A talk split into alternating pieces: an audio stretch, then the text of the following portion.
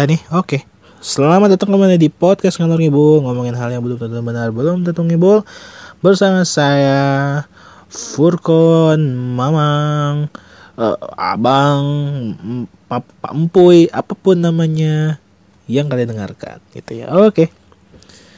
Ini adalah podcast eh, Civil Edu Series. Kita akan melanjutkan materi-materi PPKN dari kelas 12 yang sebentar lagi lulus. Semoga pada masuk PTN semuanya. Yang nggak masuk PTN didoain cepet eh, cepet sukses apa pun pokoknya.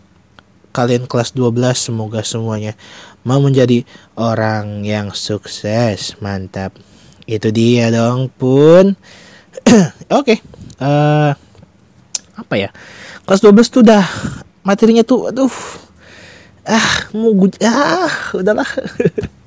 Ini kayaknya materi terakhir yang gue jelasin untuk kelas 12 karena kelas 12 itu sebenarnya materinya itu nggak nggak nggak banyak gitu. Jadi kayaknya ini podcast untuk kelas 12 yang terakhir nih. Nggak tahu sih tapi mungkin ada lagi yang belum gue jelasin. Nggak tahu. Tapi eh, sepertinya ini adalah podcast yang eh, mobil khusus kelas 12 yang terakhir gitu ya. Nggak tahu tapi karena terakhir babnya maksudnya tapi kayaknya terakhir juga. Jadi eh, di sini gua akan menjelaskan bagian terakhir dari eh, materi kelas 12 tentang dinamika persatuan dan kesatuan dalam konteks NKRI ngomongin persatuan kesatuan kita selalu ingat sama eh, mm, IB kesatuan IB kesatuan yang di Surya Kencana. Enggak enggak. Eh kalau ngomongin persatuan kesatuan itu dari zaman kita SD dari zaman TK bahkan kita udah tahu itu persatuan itu apa. Bhinneka Tunggal Ika itu itu apa. Apa dong? Jadi aduh bro. Ya apa yang harus dijelaskan ini gitu ya tapi eh, di sini rupanya ada beberapa hal yang menurut gue cukup menarik untuk kita diskusikan. Eh, karena di sini di bagian sekarang di materi ini akan menelusuri dinamika persatuan dan kesatuan di Indonesia. Masih mantap. Setidaknya kita bisa mengevaluasi persat, eh, gambaran masyarakat kita tentang persatuan. Apakah kita masih eh, eh, bersatu? Apakah enggak gitu ya? Oke, eh, kita pertama ngomongin konsep negara kesatuan dulu. Negara kesatuan itu sering juga disebut sebagai negara unitaris atau negara tunggal yang monosentris, yang terdiri hanya satu negara, satu pemerintahan, satu kepala negara eh, yang berlaku bagi seluruh wilayah negara. Hakikat negara kesatuan yang sesungguhnya adalah kedaulatan tidak terbagi-bagi baik keluar maupun ke dalam dan kekuasaan pemerintah pusat tidak dibatasi. Oke, eh, jadi Indonesia itu negara kesatuan. Negara yang bukan satu tapi kesatuan karena secara geografis negara kita itu negara yang sangat banyak jumlah pulaunya. Benar dong. Ada sekitar 17.000 setahu gua. Ada 17.000 pulau. Apakah kalian mengetahui pulau Indonesia yang urutan 1573? Tidak tahu dong. Coba coba kalian cari urutan pulau Indonesia ke 1573 pasti tidak tahu. Nah karena Indonesia itu negara kepulauan negara kepulauan sehingga kita itu sulit menjadi eh, sebuah negara yang satu sendiri sendiri gitu. Dulu kita pernah kan ada, ada negara negara Sunda besar Sunda kecil ya. Ada negara bagian eh, Kalimantan atau Borneo terus Sulawesi eh ada apa? Celebes apa sih? Gue lupa deh pokoknya gitu deh yang delapan itu. Itu kan dulu kita pernah tuh kayak gitu jadi negara bagian mirip Amerika gitu. Tapi itu nggak sesuai rupanya sama bangsa Indonesia gitu. Akhirnya kita baik lagi kan ke zaman eh, yang awal gitu di mana kita menjadi negara yang eh, terpisah-pisah secara geografis tapi tetap dipimpin oleh satu gitu nah Nah, itu yang akan menjadi suatu masalah sebenarnya gitu. Karena uh, ini memunculkan banyak uh, ya penilaian kurang baik terhadap pemerintah itu sendiri kayak gitu. Uh, jadi ada makna kesatuan. Negara kesatuan itu negara berbentuk negara eh, pi pi negara kesatuan adalah bentuk negara di mana wewenang legislatif tertinggi dipusatkan dalam suatu badan legislatif nasional. Kekuasaan negara dipegang oleh pemerintah pusat. Pemerintah pusat dapat menyerahkan sebagian kekuasaannya kepada daerah berdasarkan hak otonomi, tapi pada tahap terakhir kekuasaan tetap berada di tangan pemerintahan pusat. Bener sih. Jadi Uh, negara kesatuan itu negara bersusun tunggal, yaitu kekuasaan untuk mengatur seluruh daerahnya ada di tangan pemerintah pusat. Pemerintah pusat megang kedaulatan sepenuhnya, baik dalam maupun keluar. Hubungan antara pemerintah pusat dengan rakyat dan daerah yang dapat dijalankan secara langsung. Jadi dalam negara kesatuan hanya ada satu konstitusi, satu kepala negara, satu dewan menteri, dan satu parlemen. Demikian pula dengan pemerintahan. Ya sama seperti Indonesia. Uh, Indonesia kan punya satu konstitusi, konstitusi yaitu Undang-Undang Dasar gitu ya. Terus kepala negaranya adalah uh, Bapak Jokowi Dodo, Jokowi Widodo, Joko Widodo. Uh, satu kepala negara, terus ada ada Dewan Menteri atau kabinet, kabinet Indonesia Maju gitu ya. Dan ada juga uh, lembaga legislatif atau DPR. Nah, negara kesatuan itu punya dua sistem, yaitu sentralisasi dan desentralisasi. Kalau sentralisasi itu sentralisasi berarti semuanya diatur oleh pusat. sentralisasi. Kalau desentralisasi itu itu diatur oleh uh, setiap daerah masing-masing dalam hal ini provinsi, daerah uh, di bawah pusat gitu ya. Sorry ngap juga ya.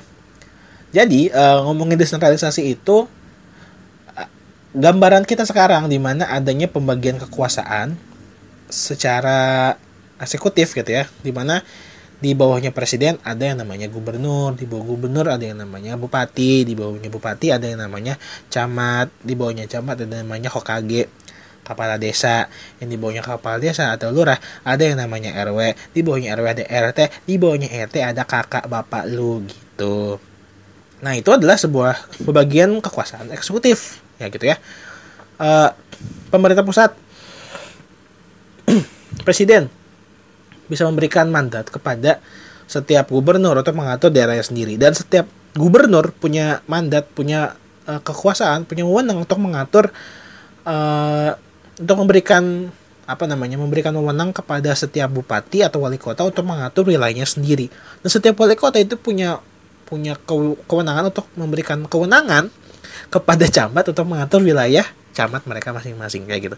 Jadi semakin itu namanya desentralisasi kayak gitu. Nah, eh, saat ini negara Indonesia merupakan negara kesatuan yang menganut sistem desentralisasi melalui mekanisme otonomi daerah. Dengan sistem ini, pemerintah pusat memberikan sebagian kewenangan pemerintahan kepada daerah otonom akan tetapi, ada kewenangan yang tidak diberikan kepada daerah otonom, yaitu kewenangan dalam bidang politik luar negeri, agama, justisi, pertahanan, keamanan menetap, dan fiskal nasional. hmm, batuk. ya, jadi uh, kalau kita mau ngomongin Indonesia sekarang, Indonesia itu sebenarnya sistemnya udah bagus banget menurut gua. Mau dibilang Indonesia itu mirip kayak negara bagian benar tapi negara bagian ini bukan masing-masing uh, daerah itu menjadi presiden maksudnya menjadi apa namanya kepala negara bagian enggak. Tapi jadi uh, provinsi. Sebenarnya sama aja sih. Uh, sistem provinsi itu dari mana ya? Ngambil dari Jepang kayaknya ya ngambil dari referensi waktu kita di Jepang. Jadi Indonesia itu waktu dijajah setahu gue ya itu banyak banget ngambil uh, ilmu-ilmu ng ngambil sistem ngambil apa namanya uh, bagaimana cara kita bermasyarakat dari uh, pendudukan masing-masing gitu. Jadi kita tuh kadang-kadang uh, memodifikasi atau kita tuh mengambil uh, referensi baik itu hukum, baik itu sistem masyarakat dan lain-lain, itu kadang-kadang dari penjajah kita sendiri. Makanya di podcast episode berapa ya yang gue bilang, kita itu kan uh, kadang-kadang ngambil budaya orang budaya luar itu kadang-kadang salah. Contohnya kayak Indonesia ngambil budaya Belanda, di mana Indonesia akhirnya sering korupsi karena waktu zaman VOC banyak yang korupsi di Indonesia orang-orang Belandanya. Indonesia malah ngikutin itu. Coba ngikutin harakiri gue bilang itu kan. Sebenarnya selain budayanya Indonesia juga uh, dalam hal kemasyarakatannya itu sistem pemerintahannya mengikuti uh, berbagai berbagai macam sistem-sistem dari pendudukan uh, penjajahnya gitu. Kayak misalnya hukum. Indonesia punya KUHP uh, FYI gitu ya. Setahu gua KUHP itu berasal dari sistem uh, hukum di Belanda gitu. Jadi waktu pemerintahan Belanda mengatur Indonesia saat itu KUHP udah ada gitu. Nah makanya uh, saat demo waktu itu KUHP banyak banget orang-orang yang kayak protes kok kayak gini sih KUHP ya itu zaman dulu begitu pak gitu. Makanya direvisi. Tapi banyak orang yang menentang KUHP wah KUHP ini harus kita apa namanya jangan di oh, jangan direvisi jangan apa Nah itu dari Belanda kita belum punya produk KUHP sendiri loh maksudnya. Itu produk dari Belanda pengen kita gunakan terus menerus masa gitu. Makanya ada revisi waktu itu bahkan sampai sekarang gitu ya. Makanya kita kadang-kadang banyak salah penafsiran gitu ya. Itu KUHP dan sistem pemerintahan setahu gua uh, bukan pemerintahan kayak pusat sih jadi lebih ke masyarakat lebih kecil uh, waktu zaman penjajahan Jepang gitu ya sistem pemerintahan eh, sistem masyarakatnya itu memunculkan ke kita gitu yang kita apa namanya kita terapkan kita ikuti gitu. Yaitu sistem RT RW setahu gue ya gue kalau salah mohon maaf nih. A apa istilahnya gue lupa gitu ya. Jadi RT RW itu sistem yang berasal dari Jepang. Karena di situ uh, menghimpun masyarakat masyarakat sekitar yang dipimpin oleh satu orang sehingga koordinasinya lebih mudah setahu gue gitu. Makanya uh, kalau kita mau ngomongin sistem pemerintahan dari atas ke bawah ya tadi makanya gue bilang jauh banget kan dari pemerintah sampai ke sampai ke RT gitu ya. Uh, karena ya emang kayak gitu itu adalah sistem pemerintahan yang sebenarnya sebenarnya sangat efektif menurut gue karena setiap daerah punya perwakilannya masing-masing punya perannya masing-masing contohnya gitu deh. Kakak yang pertama kepala keluarga. Bapak lu gitu ya. Uh, orang tua lu. Uh, keluarga lu. Itu pasti tahu masalah lu apa gitu. Apa yang kita inginkan gitu. Kemudian sesuatu yang kita inginkan sesuatu, sesuatu yang kita harapkan sesuatu yang, sesuatu yang kita tujuankan itu dihimpun oleh Pak RT jadi sebenarnya fungsi utama RT itu menghimpun tujuan-tujuan setiap keluarga bukan menghimpun dana dana dari setiap keluarga untuk dijadikan main catur main judi. Tolong kalau ada Pak RT yang bandel kasih tahu ke Pak RW biar diganti. Gitu ya jadi Pak RT itu sebenarnya lebih lebih berat tugasnya karena mereka Pak RT itu menghimpun orang-orang se sekecil mungkin gitu. Masyarakat yang sekecil mungkin itu keluarga PRT harus kenal sama orang-orang di RT-nya gitu. Harus tahu masalahnya kayak gimana. Sehingga setiap keluhan yang ada setiap keinginan setiap tuntutan setiap saran masukan bisa diberikan kepada RW RW menghimpun berbagai RT RW itu bisa memberikan kepala kepada Hokage eh, kepada kepala desa kepada lurah. Lurah itu kan harusnya bisa menghimpun. Oh ini loh yang diingat oleh rakyat gue oh ini loh uh, prospek pembangunan desa ini gitu loh. Sehingga desa itu sebenarnya udah dikasih duit udah dikasih anggaran udah dikasih program sebenarnya udah dikasih kesempatan program untuk membangun desanya sendiri. Sehingga sebenarnya setiap desa bisa menjadi desa yang maju asal pemerintah desanya itu yang mengatur mengatur rakyatnya mengetahui keinginan rakyatnya Gimana cara de kepala desa Hokage ini mengetahui keinginan rakyatnya? Ya dari bawahan-bawahannya tadi, RW, RT. semakin ke atas semakin kayak gitu kecamatan. Berarti kecamatan kan denger sebagai berbagai macam keinginan dari desa. Sehingga dibikinlah kecamatan dengan uh, tujuan seperti ini. Dari kecamatan ini dihimpun oleh pak kabu pak, pak kabupaten pak bupati atau uh, pak wali kota gitu. Dihimpun tuh oh ini keinginan kecamatan kecamatan saya gitu. Oh seperti ini kecamatan di sini kecamatan Bogor Barat kayak gini kecamatan Tanah Sarial harusnya kayak gini. Diatur tuh sama wali kota. Wali kota dihimpun semuanya oleh gubernur. Gubernur mengetahui itu semuanya. Oh uh, Bogor kayak gini harus di treatment kayak gini. Depok kayak gini harus di treatment kayak gini. Jadi uh, provinsi itu sebenarnya bisa mentreatment setiap kota karena mengetahui masalah yang sedang di setiap kota dari si wali kota atau bupatinya. Nah, dari provinsi ini ber uh, berpusat lagi ke atas presiden sehingga presiden harusnya tahu setiap provinsi itu punya kebutuhan apa, punya keinginan apa, punya tujuan apa dan akhirnya bisa dihimpun. Oh, pembangunan di Jawa Barat kayak gini, pembangunan di Papua kayak gini, pembangunan di Maluku kayak gini, pembangunan di Sumatera Utara kayak gini gitu. Jadi semuanya bisa teratur karena punya sistem koordinasi. Now, sekarang apa yang kita lihat sekarang? Yang kita perhatiin, ya masyarakat uh, masyarakat kita itu mengikuti pusatnya. Pusatnya yang membuat kebijakan yang kadang-kadang gak sesuai sama rakyatnya, iya nggak? Karena apa coba? Ya karena pemerintah pusatnya gak ngedengerin bawahannya. Gitu. Menurut gua ya gue sotoy aja nih. Kan ini podcast sotoy. Jadi kalau salah kasih tahu gitu. Itu sih menurut gue makanya kenapa masyarakat kita itu sering banget protes ke pemerintah pusat. Menurut gue ya kalau lu mau demo jangan ke pemerintah pusat. Ke kepala desa dulu. Misalnya uh, kok kita nggak dapat bantuan covid ya kok kita nggak dapat bansos ya? Tanya dulu ke kepala desa. Jangan ke kepala desa ke rw dulu ke rt dulu. Pak kok saya nggak dapat bansos? Oh saya nggak dapat datanya. Dari Pak RW nggak dikasih datanya yang siap yang dapat siapa siapa aja. Tanya ke Pak RW Pak kok saya nggak dapat bansos? Oh saya nggak tahu nih. Coba tanya Pak Kades Pak saya kok nggak dapat bansos Pak HKG hmm saya nggak tahu dari kecamatannya. Oh serba nggak tahu. Jadi negara tidak tahu gitu. Jadi gitu. Uh, kalau lo mau demo sebenarnya lebih enak demo langsung ke uh, emang sih kita ambil cepet aja gitu. Kita demo langsung ke uh, presiden gitu ke istana. Sebenarnya kalau mau ngomong kita demo ke istana uh, kemungkinan kehadiran presiden di antara orang-orang demo itu kecil. Gue sering banget ikut demo gitu ya. Nggak sering banget sih. Pernah ikut demo.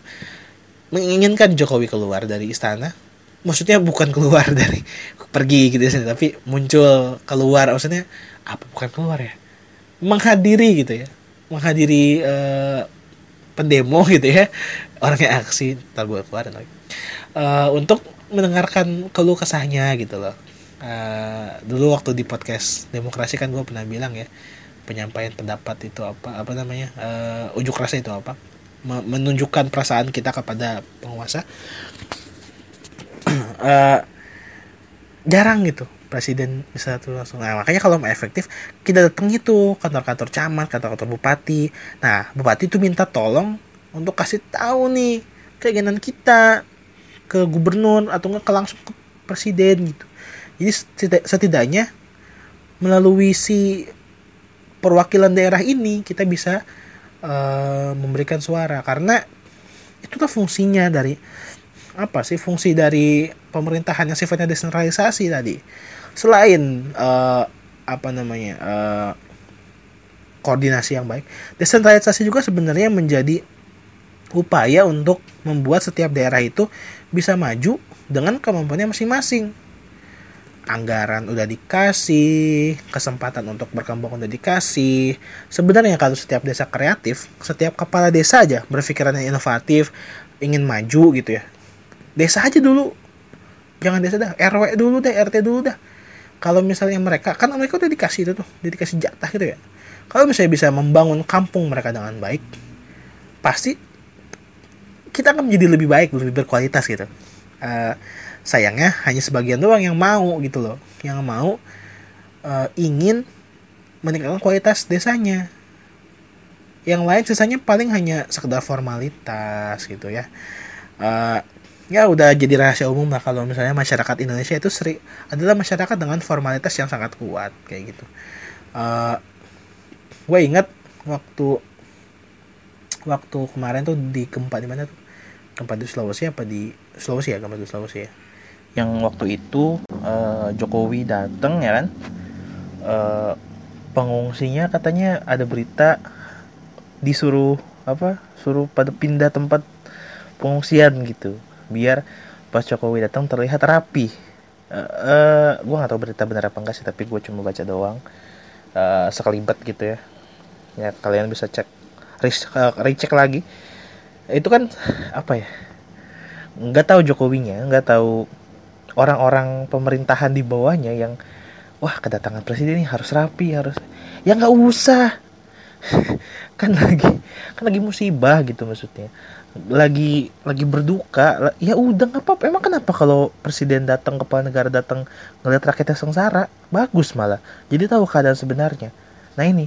Jadi masyarakat kita itu sering kali melakukan formalitas uh, pencitraan yang kadang berlebihan gitu uh, ingin semuanya serba keren ingin semuanya serba uh, apa namanya ya simbolis gitu. Jadi kayak kemarin gitu vaksin uh, mulai diedarkan pakai upacara.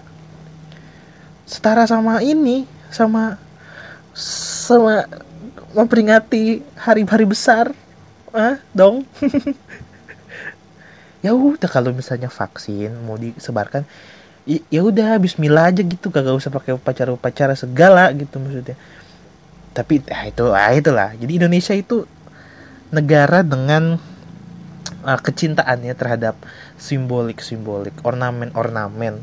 Gue pernah dengar podcastnya Panji waktu itu bukan podcast apa YouTube gitu ya.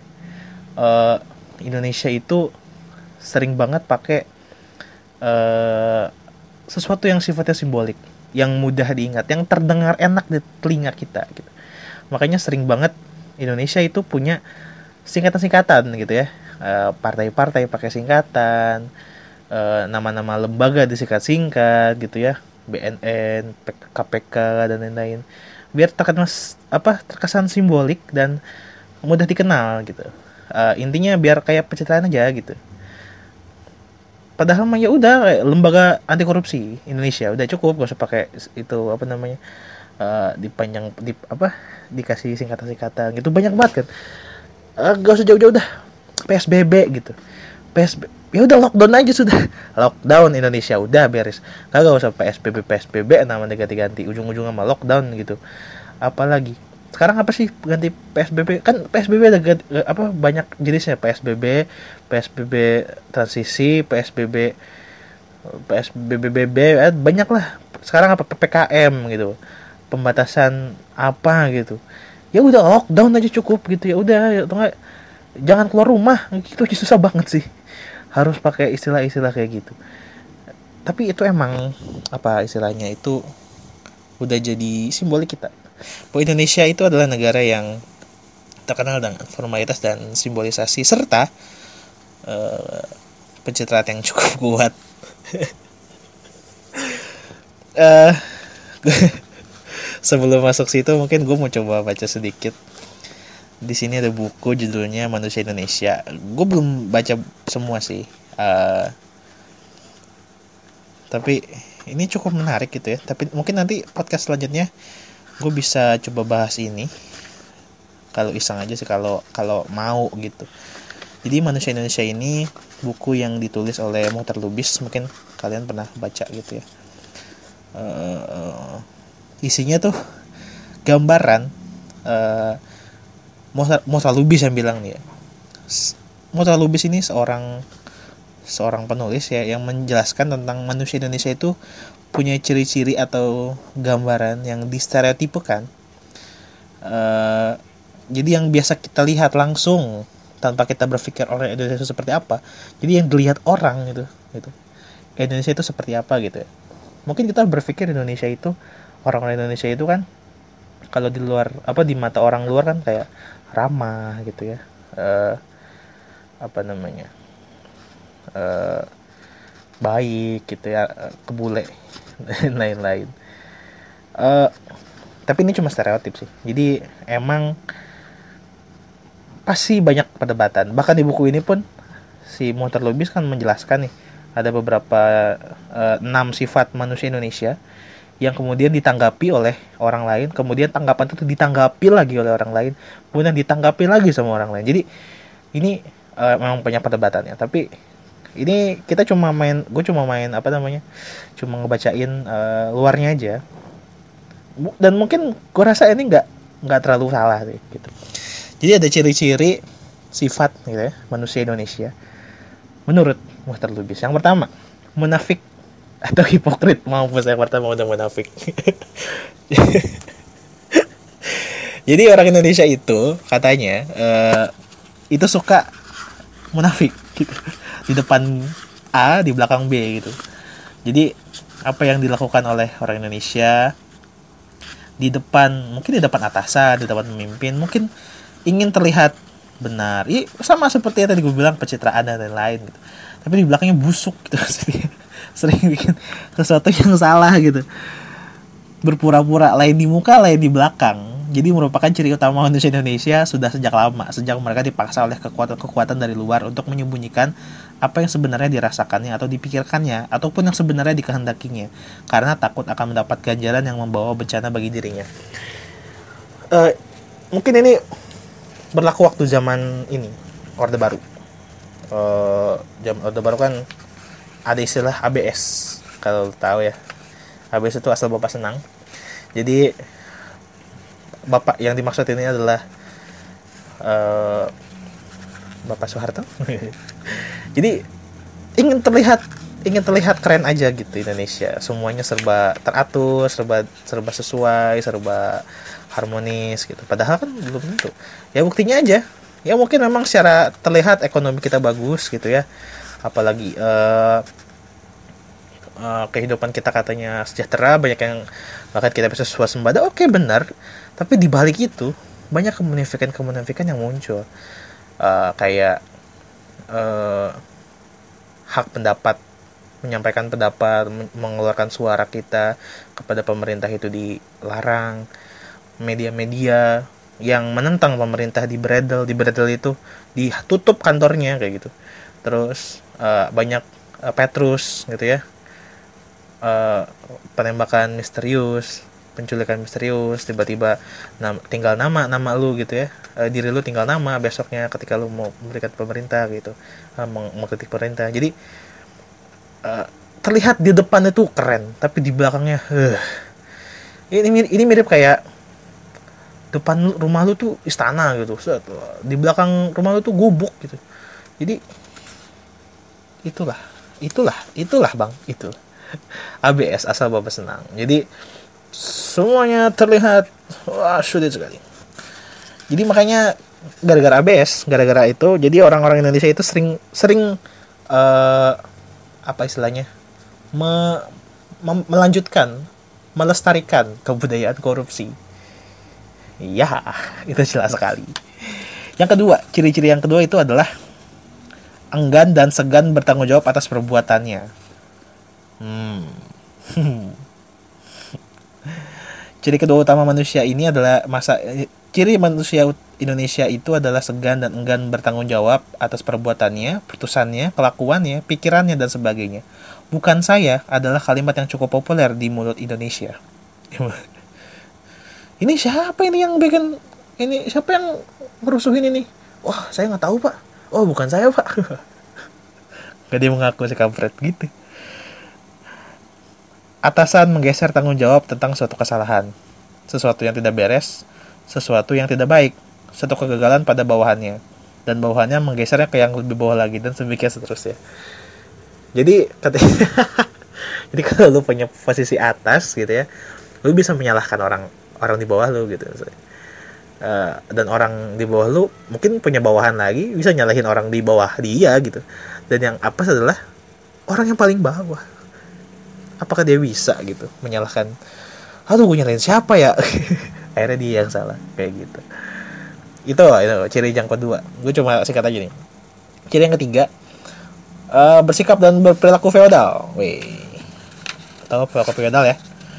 Uh, meskipun salah satu tujuan revolusi kemerdekaan Indonesia adalah membebaskan manusia dari feodalisme tapi feodalisme dalam bentuk-bentuk baru makin berkembang dalam diri dan masyarakat manusia Indonesia Sikap-sikap feodalisme ini dapat kita lihat dalam tata cara upacara resmi kenegaraan, dalam hubungan-hubungan organisasi kepegawaian, uh, dalam pencalonan istri pembesar negeri, dalam daftar pemilihan umum, istri komandan, istri menteri otomatis jadi ketua, bukan berdasarkan kecakapan dan bakat leadershipnya, atau pengetahuan, pengalaman, atau perhatian dan pengabdiannya. Feodal kan uh, sistem kerajaan gitu ya, uh, hmm, dinasti gitu ya, ketika lu jadi pemimpin di suatu daerah lu bisa menarik saudara lu teman lu kerabat lu yang lu kenal buat jadi uh, pendukung lu. Misalnya lu jadi bupati nih uh, bupati Konohagakure gitu ya. Terus wah gue butuh sekretaris desa nih eh sekretaris uh, kabupaten nih. Akhirnya manggil temen lu. Terus gue butuh uh, dinas-dinas ini nih manggil saudara lu gitu. Jadi kadang-kadang istilah orang dalam itu bahkan sampai sekarang masih ada kan ya?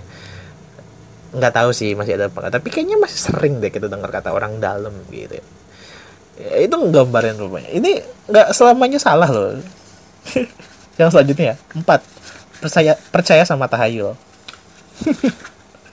aduh.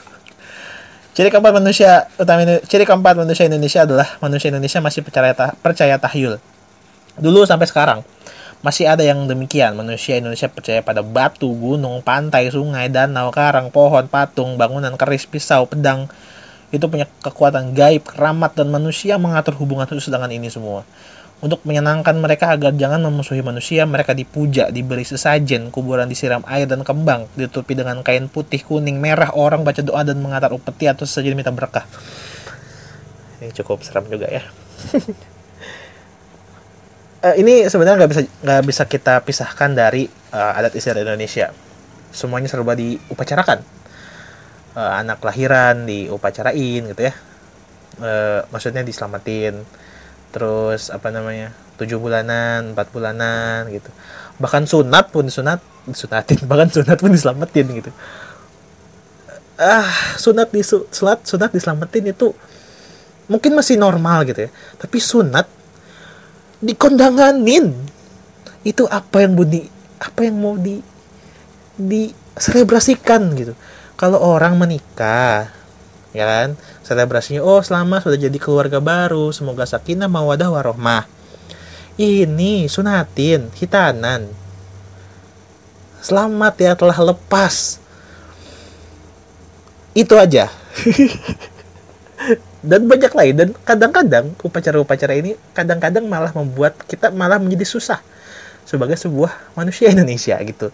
Kayak misalnya resepsi. Ini gue nggak nyalahin resepsinya ya tapi ini cuma pandangan gue aja nih. Kalau kalian tidak setuju boleh. Banget boleh banget. Uh, eh, gue rasa pernikahan itu cukup dengan ijab kabul gitu ya.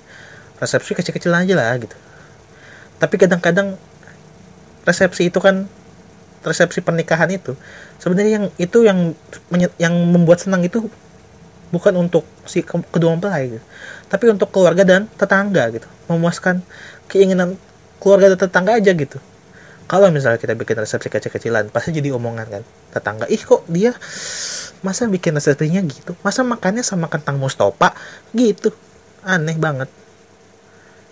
Jadi kalau misalnya kita itu hidup dalam masyarakat yang masih mengutamakan uh, seremonial dalam semua kehidupannya kita akan susah. Bahkan menurut gue ya kalau misalnya kita nggak punya uang gak usah maksain gitu. Untung ya sekarang zaman pandemi jadi jarang tuh orang bikin nikahan gede-gedean. Uh, siapa tuh? Atta Halilintar katanya mau bikin nikahan di GBK. Gue nggak tahu apa pakai jersey timnas apa gimana sih? Nggak tahu. Ya kata lah tanya aja. Ya itu yang ciri keempat yang percaya tahayul dan uh, segala sesuatu yang sifatnya goib itu memang sering banget terjadi ya contoh eh, upacara-upacara sesajen dan lain-lain itu masih sering kita lakukan ya kan ya jadi nggak sebenarnya nggak semuanya salah gitu Nomor 5, artistik dan berbakat seni. Oke. Artistik dan berbakat seni. Coba kita lihat penjelasannya. Ciri kelima ini uh, sikapnya yang memasang roh, sukma jiwa, tuah dan kekuasaan pada segala benda alam di sekelilingnya. Manusia Indonesia itu dekat pada alam. Dia hidup lebih banyak dengan naluri, dengan perasaannya, dengan perasaan-perasaan sensualnya dan semua ini mengembangkan daya artistik yang besar dalam dirinya yang dituangkan dalam segala rupa ciptaan artistik dan kerajinan yang sangat indah-indah itu benar banget sih uh, mungkin karena ada kesinambungan ya hubungan gitu ya antara sikap spiritualitas masyarakat Indonesia terhadap hal-hal yang sifatnya uh, metafisik gitu ya akhirnya dibawa ke karya seni. Akhirnya bikin uh, anyaman-anyaman gitu ya kain-kain batik motif-motif gitu ya uh, nyanyian-nyanyian. Banyak lah kita kan banyak banget kan uh, karya seninya. Bahkan setiap daerah punya karyanya masing-masing. Uh, setiap daerah punya ciri khasnya masing-masing. Setiap daerah punya keunikannya masing-masing. Ya karena itu tadi uh, ikatan dengan spiritualitas dan metafisika uh, berkaitan sama benda-benda animisme dinamisme dan lain-lain nah kita jadi tadi sering uh, sifatnya artistik makanya Indonesia sebenarnya uh, sangat berseni. Bahkan kita pipis pun berseni karena airnya air seni. Wow, dar. nggak lucu nggak apa-apa. Respect. Yang terakhir ciri keenam itu punya watak yang lemah. Karakter kurang kuat. Manusia Indonesia kurang kuat mempertahankan atau memperjuangkan keyakinannya. Dia mudah, apalagi jika dipaksa dan demi untuk survive bersedia mengubah keyakinannya. Makanya kita dapat melihat gejala pelacuran intelektual amat mudah terjadi dengan manusia Indonesia ia terjadi bukan saja semasa Soekarno bergila-gila dan menumbangkan segala prinsip ilmiah demi revolusinya Soekarno, tapi juga sudah di zaman Jepang dahulu, Soekarno mengatakan bahwa inflasi itu baik asal demi revolusi Indonesia. Akibatnya waktu dia jatuh dari kekuasaan, laju inflasi di negeri kita sudah mencapai 650% setahun dan negeri kita bangkrut, rakyat morat-marit, tapi waktu Soekarno berkata demikian, para ahli ekonomi kita bertepuk tangan, menyejung pikiran dan pemimpin besar revolusi itu pada waktu itu juga ada ahli ekonomi yang mengagukan ekonomi Marxis. Karena begitu Soekarno jatuh, maka dia lo menyanjung ekonomi pasar bebas. Uh, jadi ini gue kurang paham sih harus dibaca lebih dalam lagi sih. Kayaknya Indonesia mudah terombang ambing, gambarnya itu sih. Mudah terombang ambing dan sering banget mematahkan uh, sesuatu yang seharusnya ter, seharusnya uh, lurus gitu. Indonesia sering banget kayak gitu kan, kayak uh, sering melanggar aturan. Ah Indonesia enggak sih Indonesia warga kita sekitar gitu ya sering kan menilai bahwa uh, ketika kita melanggar peraturan kita disebut hebat gitu.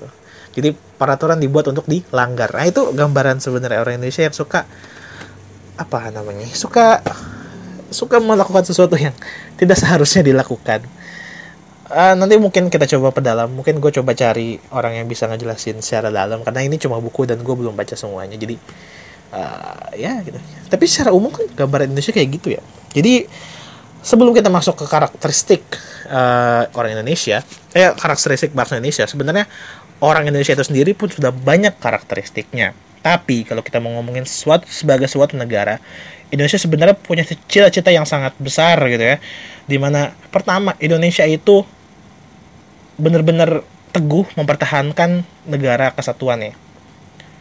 Sejak zaman BPU PKI, PPKI, Indonesia itu uh, ingin terus mempertahankan kesatuannya.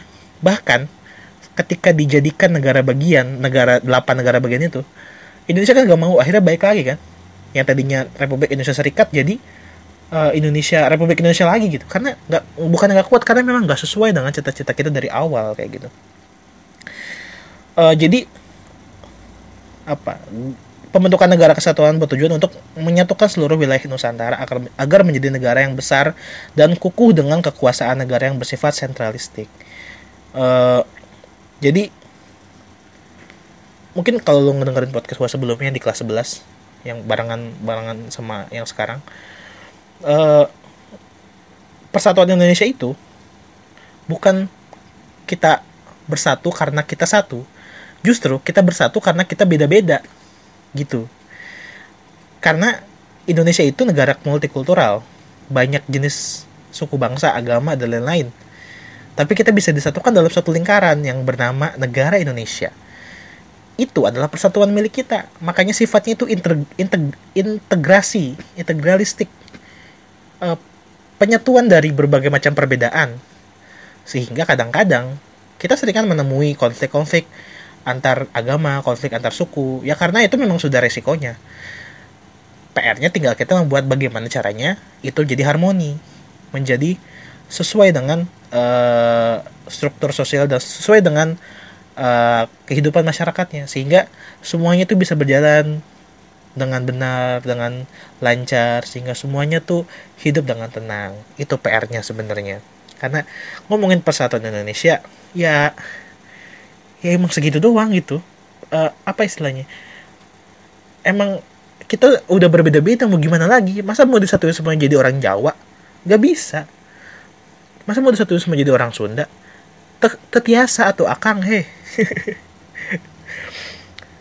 Nah kayak gitu. Wujud negara Indonesia uh, semakin kukuh setelah dilakukan perubahan dalam undang-undang dasar. Uh, di mana tidak mengubah pembukaan undang-undang dasar dan tetap mempertahankan negara kesatuan Republik Indonesia. Jadi meskipun undang-undang dasar sebuah, sebagai sebuah konstitusi itu diamandemen terus-menerus, tapi pembukaan itu tidak pernah diubah karena memang itu sudah jadi dasar sedasar-dasarnya gitu loh uh, untuk menjalankan pemerintahan dan kehidupan kita di masyarakat Indonesia kayak gitu.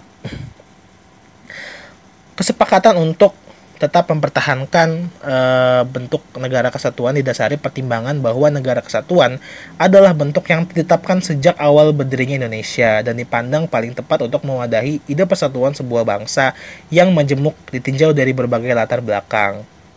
Undang-undang dasar secara nyata mengandung semangat agar Indonesia ini bersatu, baik yang tercantum dalam pembukaan maupun pasal-pasal yang langsung menyebutkan tentang negara kesatuan Republik Indonesia. Karakteristik negara Indonesia juga dapat dipandang dari segi kewilayahan. Negara Kesatuan Republik Indonesia adalah negara-negara kepulauan yang berciri Nusantara dengan wilayah batas-batas hak-haknya ditetapkan oleh undang-undang. Istilah Nusantara dalam ketentuan tersebut dipergunakan untuk menggambarkan kesatuan wilayah perairan dan gugusan pulau-pulau Indonesia yang terletak di antara Samudra Pasifik, Samudra India, serta benua Asia serta Australia. Kesatuan wilayah tersebut juga mencakup persatuan politik, hukum, sosial budaya, ekonomi, serta pertahanan keamanan. Dengan demikian, meskipun wilayah Indonesia terdiri atas ribuan pulau, tetapi semuanya terikat dalam satu kesatuan negara yaitu Negara Kesatuan Republik Indonesia. Ya jadi gitu. Uh, intinya, sebagai sebuah warga negara, sebagai sebuah negara, dan kita sebagai warga negara, haruslah kita mengetahui uh, minimal wawasan kebangsaan Indonesia se cara dasar gitu. Indonesia itu ibu kotanya di mana Indonesia itu terletak kayak gimana bentuk negaranya kayak gimana konstitusinya apa dasar negaranya apa. Minimal kita tahu jangan sampai pas kita ditilang disuruh suruh ngomong pancasila kita malah baca dasar dharma. Gak bisa. Jadi kita harus apal minimal tahu gitu. Karena itulah menjadi uh, pegangan kita sebagai warga negara Indonesia. Kalau misalnya kita lupa ya bagaimana gitu. Nah uh, jadi untuk mengatasi mengatasi ancaman-ancaman persatuan. Ya sebenarnya uh, banyak hal yang harus kita sadari. Yang pertama uh, potensi kewilayahan kita yang sangat uh, luas ini. Banyak pulaunya banyak sukunya banyak budayanya. Itu harus dibuat diatur se harmonis mungkin. Sehingga masyarakat satu sama lain itu uh, antara satu provinsi dengan provinsi lain antara satu pulau dengan pulau lain itu bisa terus hidup secara harmoni. Bersama-sama tanpa ada konflik saling mengerti saling toleransi. Dan yang kedua untuk masyarakatnya itu sendiri. Masyarakatnya itu sendiri pun yang tadi gue bilang banyak ciri-ciri orang Indonesia gitu ya sifat-sifat orang Indonesia yang mungkin buruk harus coba segera diubah gitu.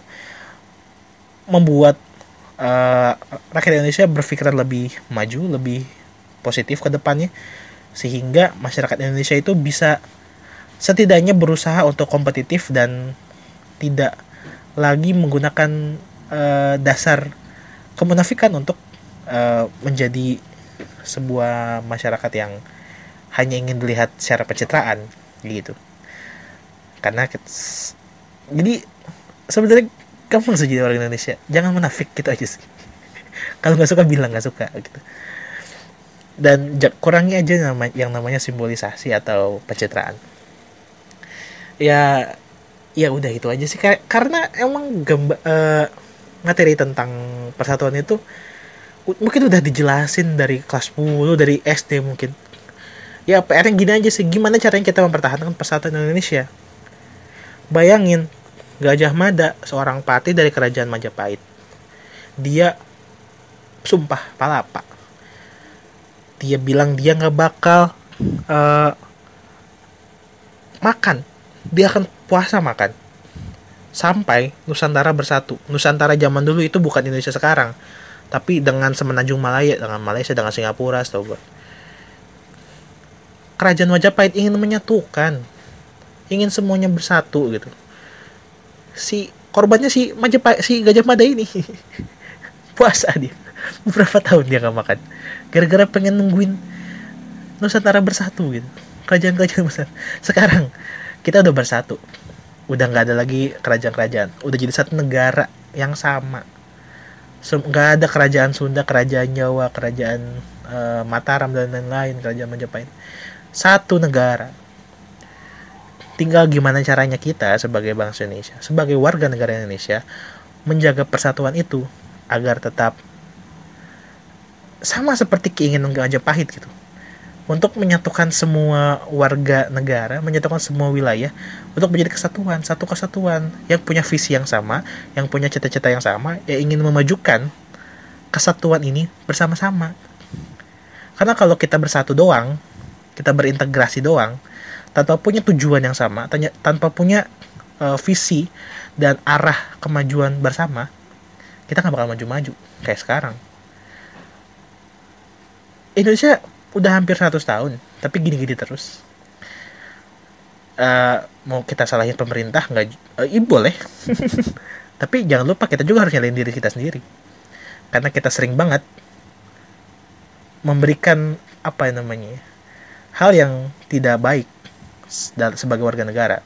Tidak percaya pemerintah tidak rukun dengan masyarakat sekitar kita gitu.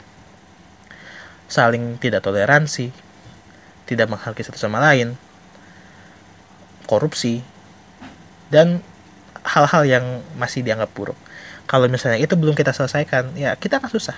Kayak gitu aja. Ya, jadi karena sudah terlalu panjang Eh, nggak tahu mungkin ini kayaknya podcast terakhir untuk kelas 12 karena uh, yang selanjutnya hanyalah sejarah. Kalian mungkin udah pernah baca sejarah itu gitu ya. tinggal dibaca-baca aja. Uh, ya udah. Pesan gue sih kalian semoga ke depannya setelah lulus dari kelas 12 ini bisa menjadi warga negara yang membawa Indonesia terus terjaga persatuannya terus terjalin keharmonisannya dan semakin sini semakin maju dan siapa tahu salah satu dari kalian yang akan membawa bangsa Indonesia ini menjadi lebih baik. Terima kasih. Inilah podcast ngalor ngibul.